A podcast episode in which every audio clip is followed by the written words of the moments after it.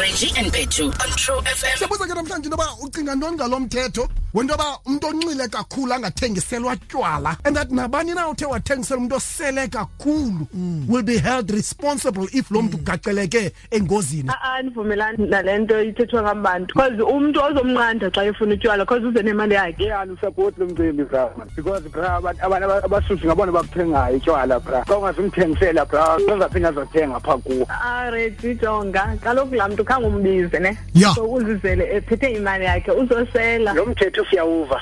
Arayithi uba bona besihlutha kakuhle benendlela zokwenza. But nokuthi abantu bazamayo athi umntu ezizamela aphinde agxothe ii-customers futhi. Ndiyawusapota mna lo mthetho lowo indehlele le nto ngolwesihlanu rich. Ubone ngomgqibelo ekuseni ube nentloko one point five imkile yonke kulapha kubona ezinye iimessages ka-in contact uyana uba ubuyisale cabe kutheni ubuthenga ntoni ungathini emnxebeni sinaye osuka phaa kwi-eastern cape uh, liquor board umgwebi msiya ozakhe sichazele kabanzi um ngawo lo mthetho um uye wathi wathaca um kurhulumente wethu. Um masisibulisele sikwamkela mntakamsiya mandibulise kwemsasazi nakubaphulaphuli be-true f m. Khasichazele banzi ngee-intentions zalo mthetho.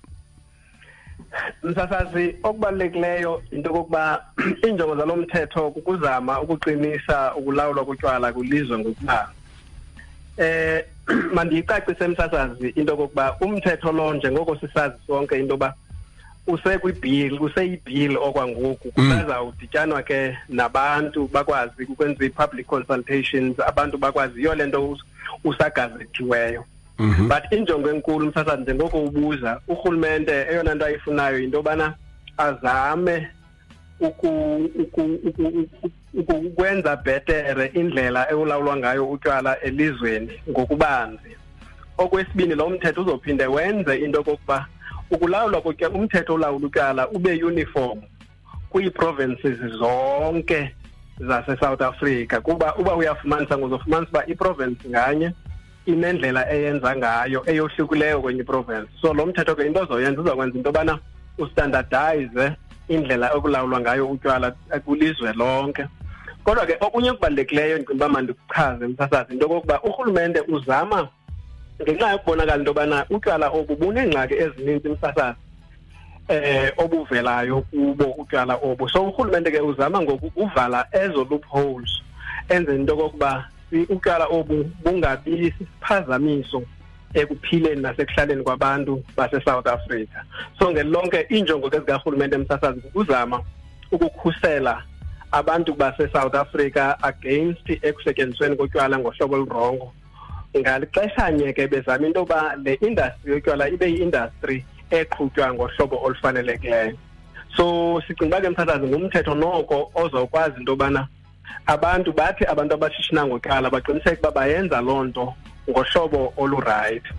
Ndifuna ke msasazi ukukhankanya nje izinto ezimbalwa ezivelayo kulo mthetho na urhulumente azame into yoba azame ukuziathenda ngale ngale ngale ngalo mthetho?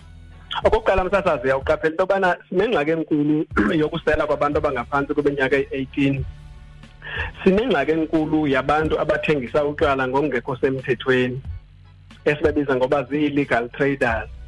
Sinengxaki enkulu msasazi aba bantu sibanike ilayisenisi abathengisayo bathengise ngamaxesha agqithileyo kumaxesha bawabekelwe bona. So ngalo mthetho ke urhulumente uzama ukungenelela into yokokuba aqiniseke into yobana zonke ezo ndawo ndiz- ndizibalileyo eh urhulumente wenza ngohlobo loba umthetho mawube mnye kwi- kwi-south africa yonke ixesha lokuvala. Makwazi into yoba linye ixesha ne- ne- ne- nokubaluleka kwento yobana kwiindawo ezithengisayo mazingathengiseli abantu abangaphantsi kweminyaka eyi-eighteen. Uyaqaphela ke mthathazi uba kulo mthetho ngoku asathethi nga-eighteen urhulumente upropose into yoba masiye kwi-twenty-one kwi-twenty-one years. Um ngamanye amazwi umntu ongaphantsi kwe-twenty-one years asizumthe akazuthengiselwa ziindawo ezithengisa utywala. Uba ngaba unomntu omkrokelayo uba una- uneminyaka eyi-twenty-one years so kufanele uba uzame indlela yoba ufumane i-i d yakhe okanye mhlawumbi i-drivers license uqinisekise into okokuba lo mntu mm, mm, nyhani ungaphezulu kweminyaka eyi-twenty-one ngelonke ungamthengisela. Nento bamsazazi kwabantu bathengisayo apho uzofumanisa uba umntu othengisayo kule ndawo athengisa kuyo uthengisela abantu ababona abasebele bebonakala into yoba banxilile. So zizinto ke ezo ozama into yoba lo mthetho uzama ukuzilungisa enzele uba utywala obu busetyenziswe ngohlobo olufanelekileyo umthetho ke noko msasazi uqine. Ngifuna ke msasazi oko- okokugqibela ndizame ukucacisa into yokokuba lo mthetho eh eyona nto efanele basiyiqaphele ebaluleke gqithi into yokokuba ku-amendwa um- i-liquor act ka-2003 liquor act number 59 of 2003 yiyo ke le ibi-implimenta ukuqala ngo-2003 kuzawusho ngoku. Apho ke sikwazileyo akwazileyo urhulumente ukubona uba zikhona iingxaki zikhona inantsika ii-gaps ezikhoyo kulo mthetho. Yiyo ke le nto ngoku babone le nto yobana hayi mabazame ke lo mthetho ukuwuamenda enzela into yobana bavale ke ezi gaps ezinye zazo ke zezi ndizikhankanyileyo msasazi Mm, I understand kusezawudityanwa njengoba busowutshilo nawo ne-stakeholders then uh, uh, but ikhona into ethi ngathi it could come into effect uh, later later this year. Eh eyona nto besingqale kweni besithetha ngayo apha enkqubeni in the first hour ngumcimbi wento yoba le part kayibukho wayivelela kanye apho ngasekugqibeleni wento yoba abantu uh, umuntu osele kakhulu angathengiselwa tywala. Eh kukhona abantu ke bebekhe bacomment as well abangasomashishini uh, abane-shippings nendawo uh, i'd like to believe uh, as operator legally. Uh, bathi izawuphinde babethe kwabona bengosomabhizinisi le nto ngoku into yoba umuntu angathengiseli itywala umuntu ongathi usele kakhulu. Eh ndifuna msasazi uku- ukubeka umnwe kanye kuloo nto kwabo bantu mhlawumbi bebekhe baphawula ngalona into yokokuba ezinye zezinto msasazi zivela kulo mthetho umtsha azikho ntsha ebunyanisweni into yonawo zizinto nje ekufanele urhulumente azi-emphasizayo into yoba aziqinise kakhulu ke ngoku kulo umthetho.